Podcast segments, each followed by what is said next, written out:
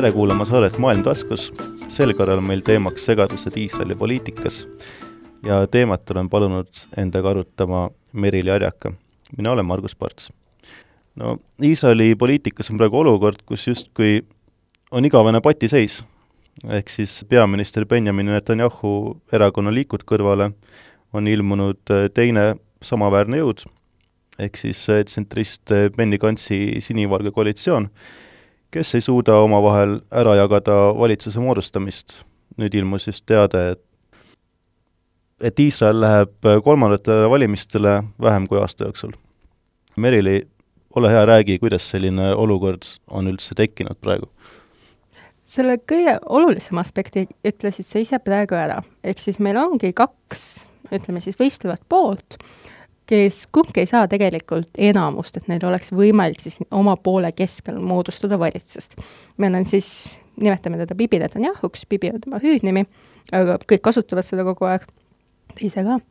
ja tema selja taga on ultraortodoksed parteid ja madurahvuslased, juudi asundused, kõiksugused toredad paremradikaalid, ja siis teisel pool on Benny Gantz, keda nimetame tsentristiks selles mõttes tinglikult lihtsalt selles mõttes, et ta on Bibi vastu, sellepärast on talle pandud külge ka tsentristi tiitel, oma ideoloogiliselt on ta tegelikult väga sarnaste vaadetega kui Bibi.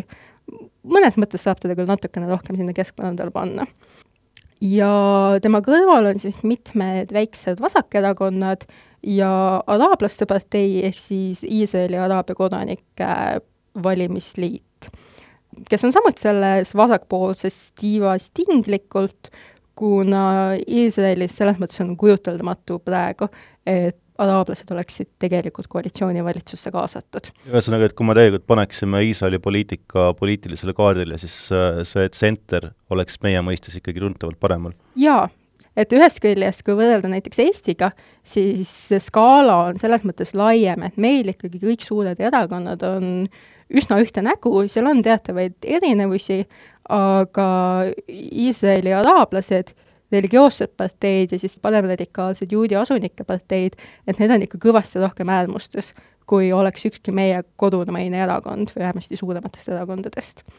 ja see tsenter meie mõttes on samuti paremal, tsenter hetkel oleks siis sinivalge, tsentrisse pannakse tinglikult ka praegu Victoria Liebermann, kelle tõttu need valimised üldse kogu aeg toimuvad, sellest saab hiljem rääkida, ehk siis äh, võib-olla siis alustaks tegelikult sellest, et parempoolses ja vasakpoolses Iisraeli kontekstis on suhtumine julgeoleku küsimustesse ennekõike, mille kohta näiteks kunagine Iisraeli peaminister Itzhak Rabin ütles, et nii parempoolsed kui vasakpoolsed näevad Iisraeli maad ehk siis kunagist mandaatvõimu territooriumi, Iisraeli ja Palestiinat mõlemat kui enda oma.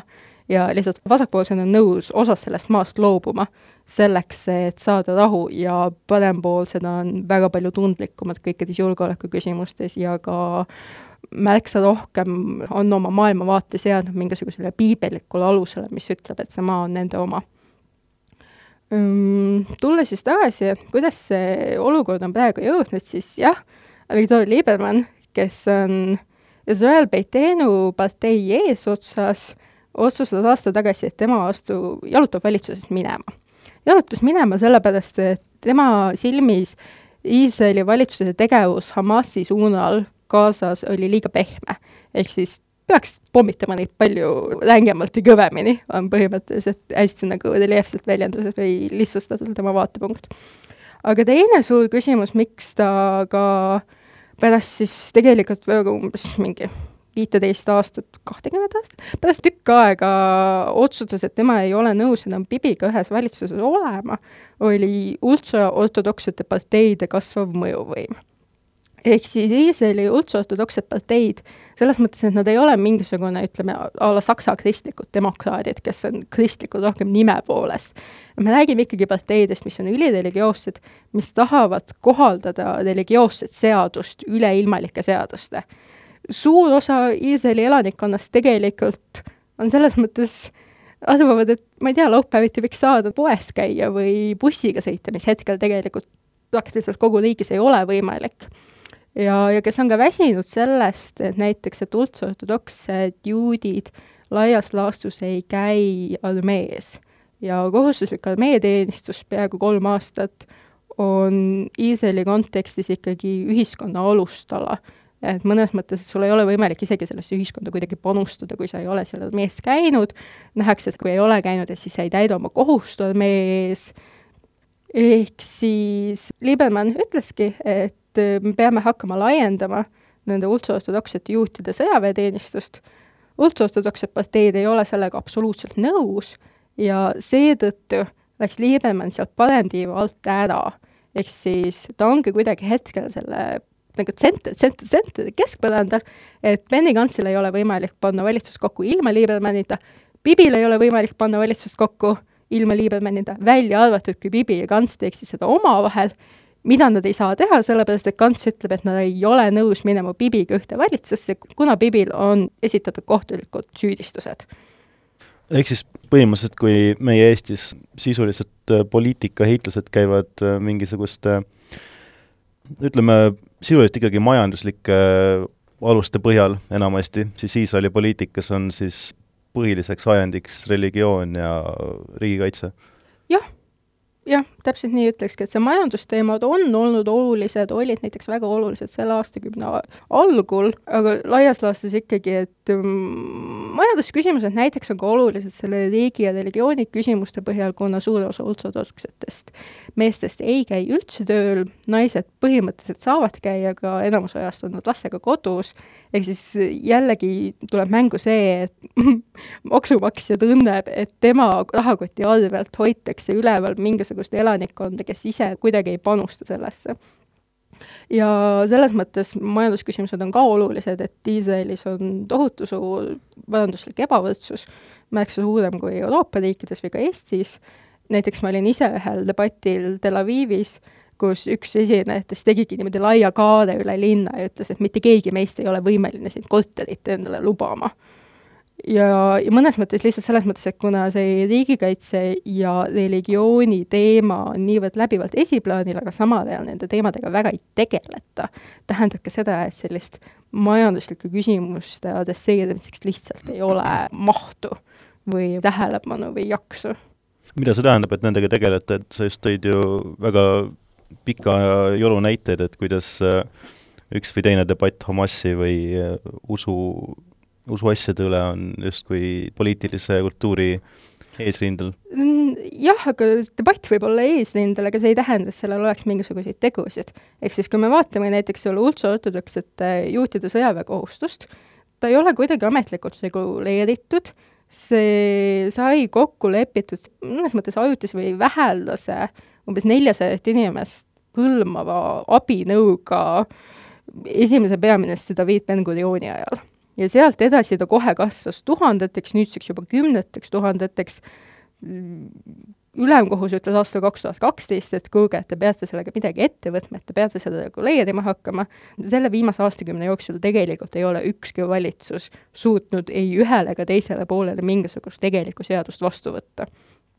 või siis ka julgeoleku teema, jah, Gazaga on probleem, kahe tuhandete keskel äh, Iisrael ühepoolselt tõmbus Gazast tagasi, ütles, et meie selle piirkonnaga tegeleme nüüd, eriti ei tegele, kehtestasid blokaadi, neil on olnud kolm sõda Gazaga viimase kümne aasta jooksul. Gazast lastakse väga palju rakette, aga selles mõttes ei tegeleta, et nad kuidagi on aktiivsed, ehk siis nad tegelevad siis, kui see vajadus tekib, lastakse mingeid rakette, Egiptuse läbi sõlmitakse mingisugune vaherahu aga võib-olla Eesti mõttes oleks kujutlematu, et sul on piirkonnad, kuhu aastas langeb tuhandeid rakette ja valitsus mõnes mõttes pigistab silmad kinni. ja, ja miks nad ei tegele, on ikkagi tegelikult see, et Bibi Netanyahu on olnud üpriski apaatne, ta ei ole tahtnud pidada läbirääkimisi, aga samal ajal ta ei ole tahtnud anda järele ka nendele väga jõulistele pooltele, kes nõuavad, et tuleb hakata Gazaga rohkem tegelema kui nüüd tõmmata see plaan hästi laiaks ja tuleme hiljem tagasi siis selle juurde, et äh, mis poliitikas praegusel hetkel täpsemalt toimub, aga sellest äh, arutelust jääb praegu mulje, et Iisrael justkui liiguks järjest rohkem äh, konservatiivsuse suunas ja järjest rohkem parempoolsusesse, et mm -hmm. kuidas see avaldab näiteks mõju praegustele noortele? jah, kõik need asjad, mis sa ütlesid, on tõsi kui me vaatame seda valitsust, mis moodustati kaks tuhat viisteist valimiste järel, mis selles mõttes tinglikult on ka praegu ametis, kuna neil muud valitsust ei ole suudetud tekitada, siis see on kõige parempoolsem valitsus läbi Iisraeli ajaloo. noored on aina radikaalsemad, seal on palju seletusi taga, ühest küljest see, et religioossete inimeste osatähtsus kasvab ühiskonnas, enamasti religioossus ja siis sellised parempoolsed vaated julgeolekupoliitikale on korrelatsioonis, sinna juurde tuleb selline huvitav ühiskonnagrupp nagu Vene, endistest Nõukogude Liidu liikmesriikidest üheksakümnendatel emigreerunud juudid, kes siis on üpriski usuleiged ja samas päris marutahvuslikud. ehk siis vene juudid? Vene juudid selles mõttes, et kui me vaatame nagu Vene ühiskonda. tingliku nimetajaga. tinglik nimetaja, tinglik nimetaja Vene juudid, et see tegelikult annab ka suhteliselt hästi paika, et kellega tegemist on. ja nemad üheksakümnendatel tuli neid miljon, üle miljoni, kaks miljonit, ma hetkeni on täpse arvu vajaka, aga see oli ikkagi tohutu kasv. ja ja teine asi, et miks võib-olla ka noored on märksa radikaalsemad kui nende vanemad, on see, et lihtsalt vägivaldsus kasvab. ehk siis ütleme niimoodi, et kuuekümnendatel ja seitsmekümnendatel, kui sul oli kuuskümmend seitse ja seitsekümmend kolm suured sõjad Iisraeli ja Araabia riikide vahel, siis see vägivald oli paljuski välisvaenlaste vastu. ja praegu me oleme olukorras, kus üheksakümnendate alguses oli esimene palestiinlaste ülestõus, esimene intifada, kahe tuhandenda alguses oli teine ülestõus, sul on sõjad Gazaga, pidev kontroll läänekalda üle, sul on eraldusmüür ümber terve läänekalda, iisraellased ei tohi minna, ega nad ei tahaks ka, et nad ei julgeks minna läänekalda linnadest, mis tähendabki lihtsalt seda, et sul ei ole neid kokkupuuteid inimeste vahel ehk siis kui näiteks veel isegi esimese intifada ja enne seda oli täiesti tavaline, et juudi pered näiteks sõitsid mingisuguse Palestiina linnakesse pühapäeval, laupäeval, siis praegu seda lihtsalt ei juhtu. me teame, et kui sul ei ole kokkupuuteid inimeste vahel, siis nad võõranduvad ja, ja kardavad. toimub teatud demoniseerimine? jaa, loomulikult mul, mul ei ole selles mõttes sellele niimoodi nagu rohkem isegi mitte midagi lisada mm.. miks see on lihtsalt oluline, on see, et kui me mõtleme, et läbirääkimised palestiinlastega toimusid üheksakümne kolmandal, üheksakümne viiendal aastal Oslo rahuläbirääkimiste ajal, kaks tuhat. Toonane president Barack veel proovis mingisugust lepet jõusse saada, aga Arafat kõndis minema ja noh, ega seda ei ole ka teada, kas Balakil oleks võimalik sellel hetkel olnud ka mingisugune lepe oma valitsuses läbi suruda, siis võib-olla üks areng, mis me oleme näinud tegelikult nende kahe viimase aastakümne konfliktide ja sõdade parempoolse poliitikaga on see, et vasakpoolne alternatiiv ei ole enam usutav. ehk siis, kui me ütleme, et Benny Gantz on äh, nagu rivaal Bibile. Benny Gantz oli, on Iisraeli sõjaväe kindral, jah, ta on tõenäoliselt natukene rohkem avatud ideele teha mingisugust, uurida, kas on võimalik mingisuguseid suhteid normaliseerida, kui Bibi on seda olnud, aga, aga see, kuidas jällegi see poliitika kese on nii palju liikunud, ehk siis me olemegi näinud ajaloos nüüd kaks korda, kus Iisraeli araablaste partei on toetanud sionistlikku kandidaati peaministriks, neist esimene oli Yitzhak Rabin üheksakümnendatel ja Rabin oli ka see peaminister, kes oli legendaarne, sõlmis Oslo leppe, üks madurahvuslasest juut lasi talle pärast seda kuuli kella. Korraldati atentaat, mis oli tohutu šokk Iisraeli ühiskonnas, et kuidas üks juut valab teise juudi verd. Ja, ja siis selle kõrval Bennigans, kes oli Iisraeli kindral samal ajal, kui Gazaga korraldati sõda, pigem kohati võib-olla ma tahaks öelda, et mingites vaadetes on ta olnud märksa jõulisema positsiooni toetaja, kui on seda praegune valitsus või õigemini Bibi on olnud, et see lihtsalt nagu hästi kummaline, kuidas need olud on nii palju muutunud et kui sa oleks öelnud üheksakümnendate Iisraeli araablastele, et kahekümne aasta pärast hakkab teie valimisliit toetama sellist kandidaati, siis nad ei oleksid uskunud. Kansi kasuks kindlasti räägib ka see fakt, et ta ei ole segatud korruptsioonisüüdistustesse, nagu on Netanyahu mm. -hmm. Netanyahul ongi viimased kolm aastat on siis kestnud tõsine uurimine, aprillikuiseid valimisi ka peaprokurör ütles, et tal on kavatsus esitada Bibile süüdistused, aga siis peale valimisi, et mitte ennast valimistesse segada. nüüdseks on need süüdistused ka esitatud korruptsioonis, altkäemaksu võtmises, usalduse kuritarvitamises ja, ja see on lihtsalt osa ka sellest, kuidas see poliitiline kultuur on nii palju muutunud. et võib-olla ka laiemalt, mida me näeme praegu sellistes lääneriikides, paneme siis ka Iisraeli lääneriigi alla, on see, et poliitiline regulatsioon rajati sellele uskumusele, et inimestel on mingisugune eetiline tunnetus. mis siis tähendab, et meil ei olegi paika seatud sätteid, mis ütleksid, et näiteks peaminister või minister peab tagasi astuma, kui talle esitatakse kohtulik süüdistus, sellepärast et kardeti, et see võib muutuda selliseks poliitilise kuritarvitamise meetodiks, vahendiks. Et näiteks Eestis on olemas immuniteediseadus parlamendiliikmetele, ehk siis sellel hetkel, kui nad on parlamendisaadikud, ei saa neil esitada süüdistust, vist välja arvatud siis, kui parlamendi enamus selle poolt hääletab. nüüd ongi see probleem, et Iisraelis sellist seadust ei ole. Ja kardetakse, et Bibi väga võitleb selle nimel, et endale valitsus saada, et ta saaks immuniteediseaduse läbi suruda ja minu jaoks võib-olla mõneti kõige kurvem on see, et okei okay,, süütuse presumptsioon. me ei tea, kas Bibi mõistetakse kohtulikult süüdi või mitte.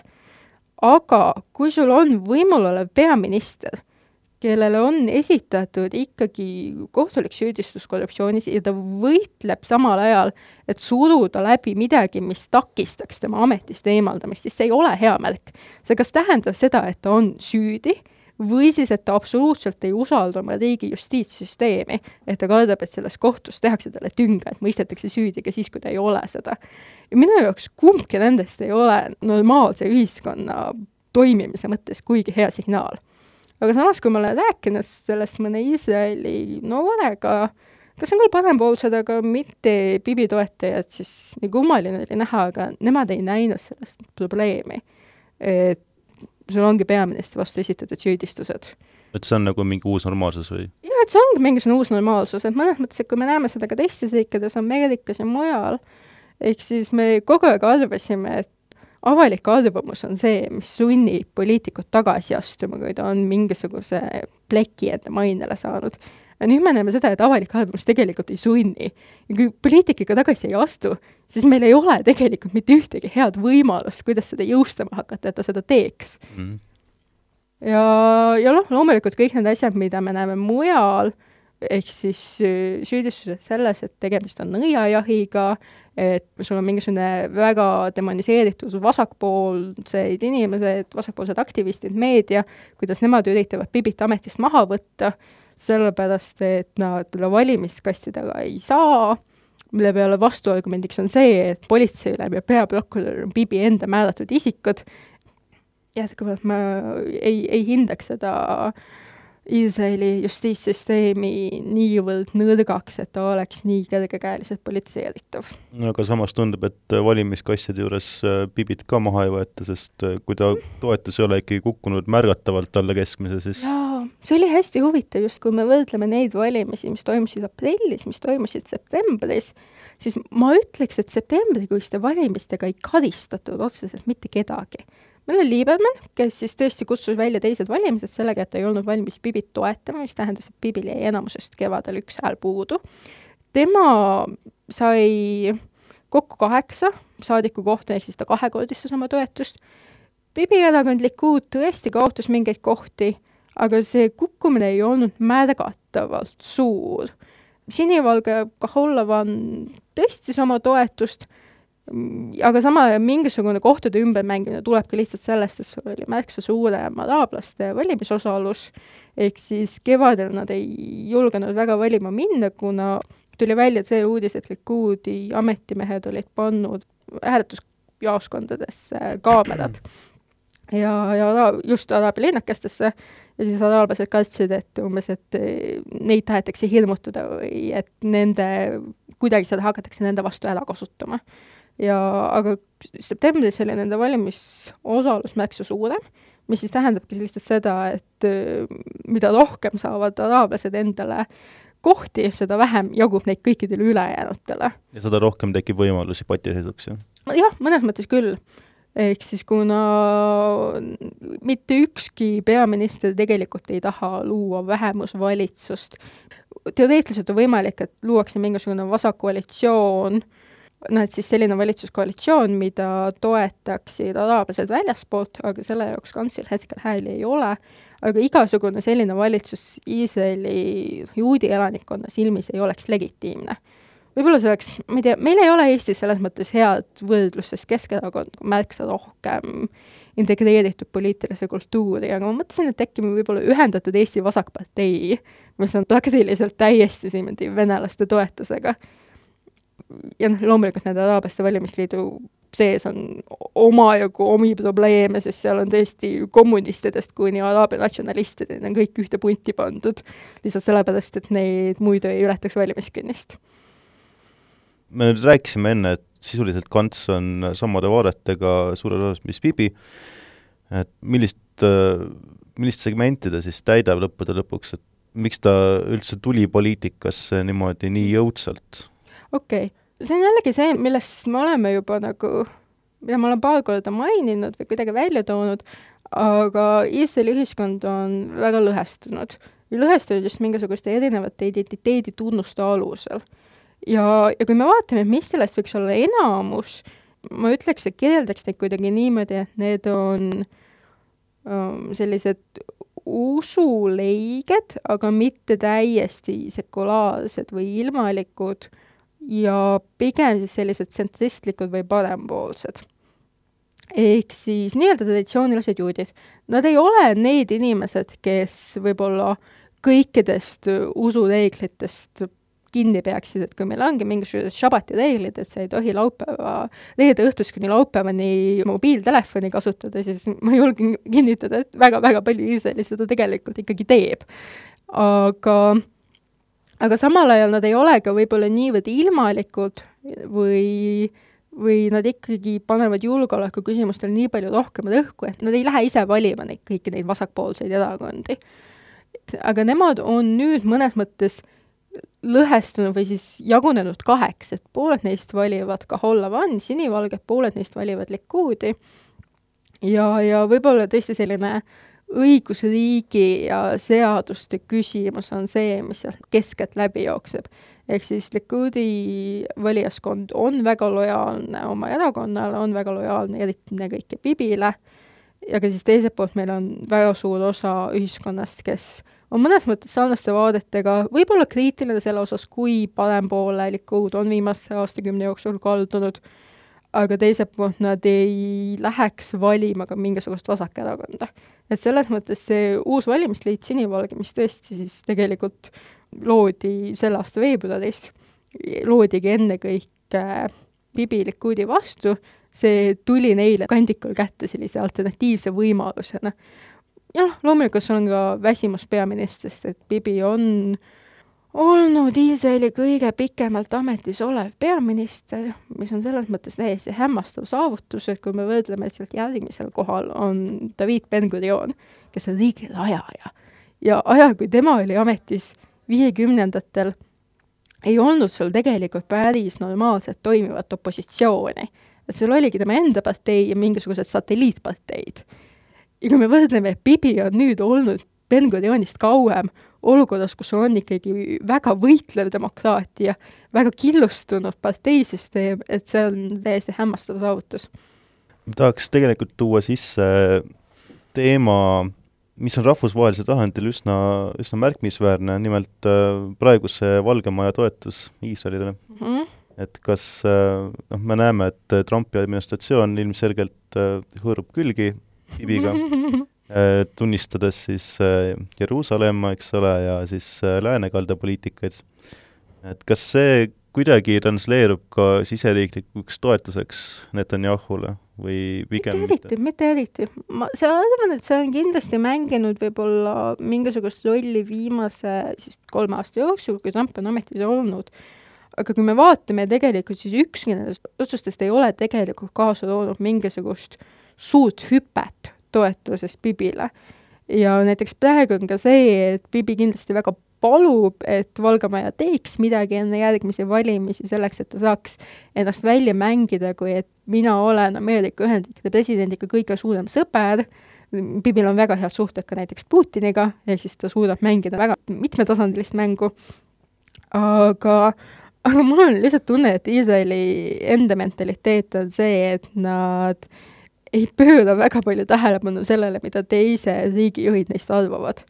ehk siis, kui Eestis võib olla USA presidendi suur toetus mingisugusele rii-, valitsusjuhile või võimalikule valitsusjuhile oleks üpriski märgiline ja ilmselt omaks valimistel märksa suuremat toetust, siis Iisraeli kontekstis äh, jah, see kindlasti ei ole kahjuks, aga me ei ole näinud, et see oleks mingisuguseks tohutu suureks plussiks sellele, et Bibi on ametis, et Bibi oli sama suure toetusega ka Obama ajal, kellega ta ei saanud üldse läbi.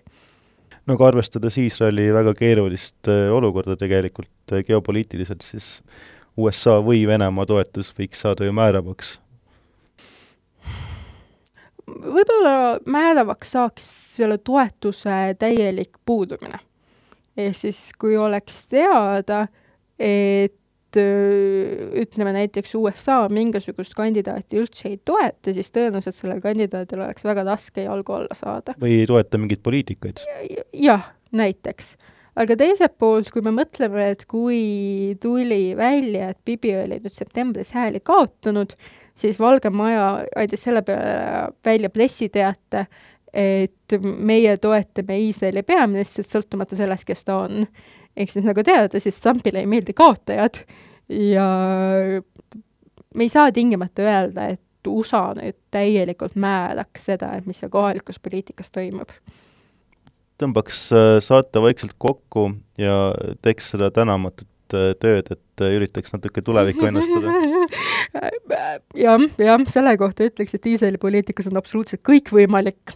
ennustamine on seal väga tänamatu töö no,. võimalik ilmselt ei ole väga laialdane vasakkoalitsioon, nagu sa mainisid oh,. selle peale ma ütleks, et äh, minu jaoks, kui need jutud uutest valimistest maikuus tulid kirjutasin oma magistritööd samal ajal ja ma olin, mõtlesin, et kas ma panen sisse selle kui teoreetilise võimalusena. ja see tundus nii uskumatu, et mis mõttes, et nad ei saa valitsust kokku ja nad teevad lihtsalt teised valimised. nüüd me oleme olukorras, kus neil tulevad kolmandad valimised ja kui on küsimus, et näed, kaua veel, et me tegelikult jah, tulles nüüd selle ennustamise juurde, siis praegu ei ole näha nagu mingisugust tohutu suurt muutust olukorras. See on täiesti võimalik, meil on kolmandad valimised, nad ei saa valitsust kokku, meil on neljandad valimised.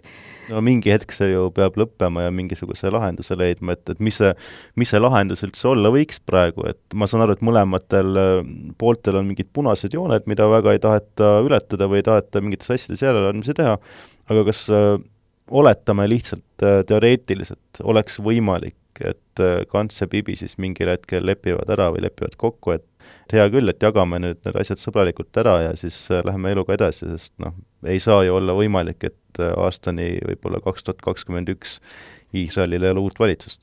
Jah, see mitte isegi teoreetiliselt, vaid tegelikult täiesti praktiliselt see võimalus on olemas Kants läks nendele valimistele üleskutsed moodustada nii-öelda rahvusliku ühtsuse valitsus koos Likuudiga, sellel hetkel ta küll ütleb, et ilma Bibita, aga teatavasti Iisraeli poliitikas lubadused enne valimisi ei ole just sellised lubadused, mida väga suurel määral peetaks. ja, ja nad pidasid ka läbirääkimisi, aga küsimuseks oli siis ennekõike see, et kuna Iisraelis on varasemalt tehtud sellist asja nagu peaministri ametikoha dotatsioon, ehk siis ütleme näiteks kaks aastat ühele, kaks aastat teisele, küsimus oli, et kumb saab esimesena. ja Bibi loomulikult tahab minna esimesena, Kants ütles, et ei saa, sellepärast et ta, tal on, noh, põhjust on karta Bibit igasugustes poliitilistes lõksudes või ka selles, et ta hakkab läbi suruma tõesti mingisuguseid immuniteediseadusi, mida keegi vasakult või tsentrist lubada ei taha. et selles mõttes, et kui Bibi oleks valmis mingisuguseks kompromissiks selles küsimuses, siis see ühtsusvalitsus tõenäoliselt ka loodaks. võimalik on, et Bibi võetakse maha. Neil on nüüd pärast jõule tulemas äh, hääletus Likuudi esimehe kohale, kus on ka rivaale tema vastu aga see ei ole kindel, et mis seal üldse saama hakkab või kui suurt toetust keegi saab, sellepärast et kogu Likud on hästi palju üles ehitatud ikkagi lojaalsusel juhile. ja, ja loomulikult, et see, nema rivaalid teavad, et see valijaskond, kes toetab Likudi, ei andesta sellele inimesele, kes Bibile noa selga lööb kodust ja, ja noh, loomulikult on ka võimalik, et mõlemad tegelikult lähevad sellele valimistele püüdma neid ühte, kahte, kolme saadiku kohta, et neil oleks võimalik koalitsioon moodustada siis oma tiiva keskel, et nad ei peaks hakkama kompromisse tegema. üritatakse üle meelitada ka Liibanoni. ma ei tea, see oleks loomulikult, oleks huvitav näha sellist valitsust, kus sul on peaministriks Liibanon oma kaheksa saadiku kohaga, keda toetab Kahalla Van oma kolmekümne seitsme saadiku kohaga aga täiesti võimalik, et lihtsalt mingisuguse nagu valitsuse kokkupanemise nimel on valmis emb-kumb talle Liibermannile peaministri kohta pakkuma.